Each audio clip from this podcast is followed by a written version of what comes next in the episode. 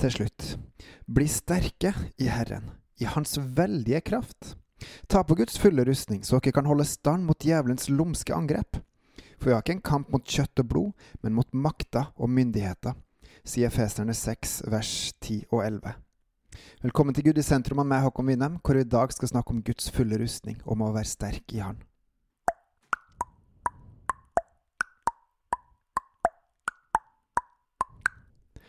Kanskje en av de største pinglene i hele GT er Gideon. Han fikk tegn fra Gud om at han skulle befri Israelsfolket, og ba om flere tegn.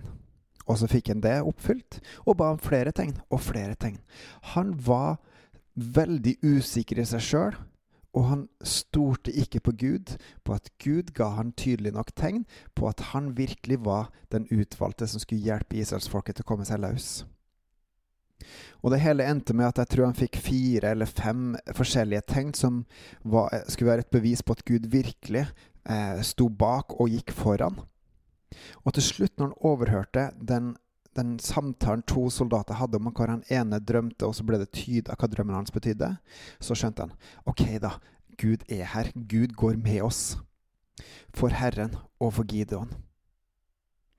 Hvordan blir man sterk? Hvordan blir man sterk i Herren? Efeserne 6 eh, sier videre følgende. Ta på Guds fulle rustning, så dere kan holde stand mot djevelens lumske angrep. For det var ikke en kamp mot kjøtt og blod, men mot makta, myndigheter, mot verdens herskere i dette mørket, mot ondskapens ånde her i himmelrommet. Ta derfor Guds fulle rustning på, så dere kan gjøre motstand på den onde dag og bli stående etter å overvunne alt. Stå da klar med sannheten som belte om livet, og med rettferd som brynje, og ha på sko på føttene den beredskap som fredens evangelium gir. Grip fremfor all troens skjold, med det kan dere slukke alle den åndes brennende piler. Ta frelsens hjelm og åndens sverd, som er Guds ord. Gjør det i bønn, og legg alt framfor Gud. Ok, her får vi en oppskrift på hva vi skal gjøre, hva vi skal ta på oss når vi skal ut og kjempe. Fordi at vi har en stor hær vi kjemper mot. Vi har en mektig fiende som vi kjemper mot.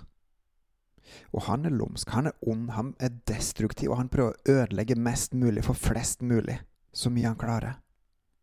Men vi er sterkest så lenge vi er i Herren. Da kan vi stå imot alle de utrolige forskjellige angrepene som djevelen prøver seg på, men som ikke er nubbesjans fordi han vet at Gud er sterkest. Og hans plan er ikke å ødelegge for absolutt alle som tror, men å få med seg flest mulig av de som tror, eller som kan komme til å tro. Alle som sitter på gjerdet også.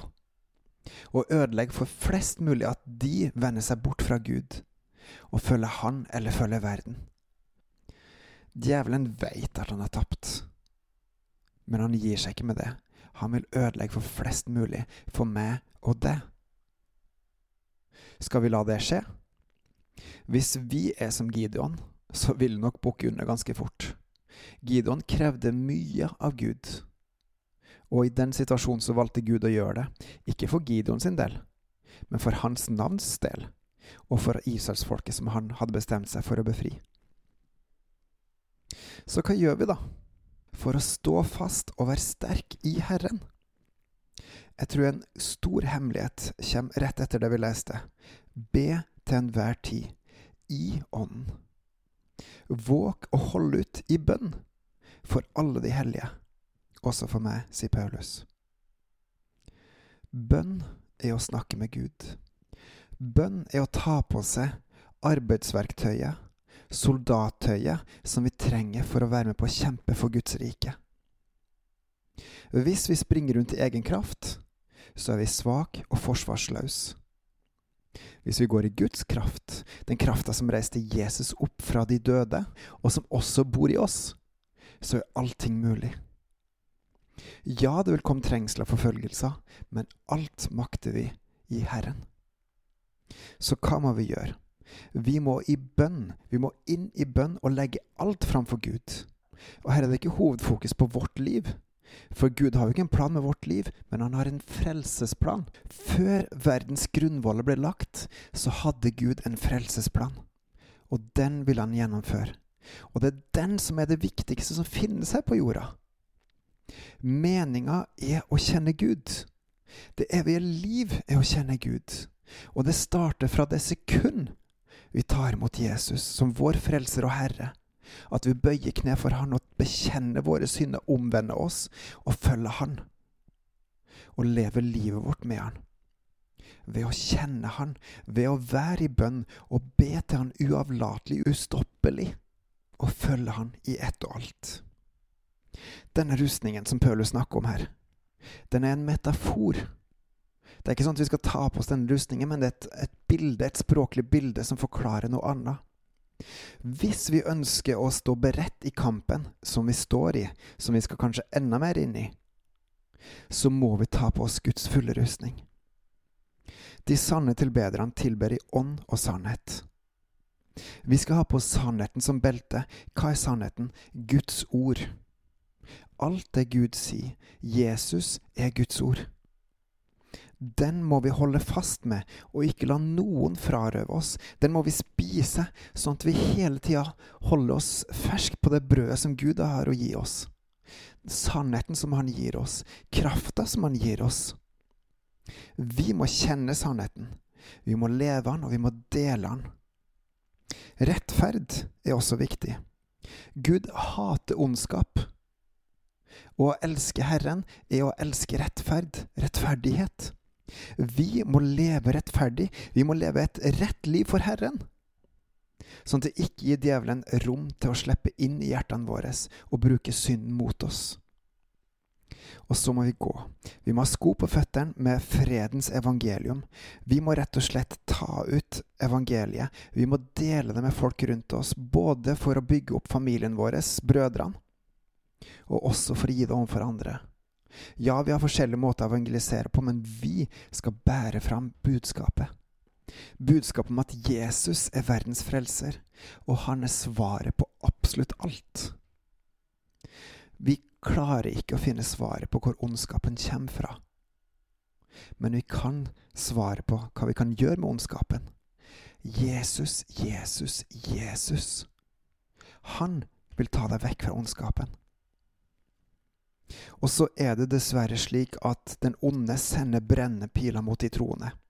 Mot hver og en som prøver å helhjertet holde fast med Guds sannhet, som prøver å følge Herren, så vil det komme brennende piler.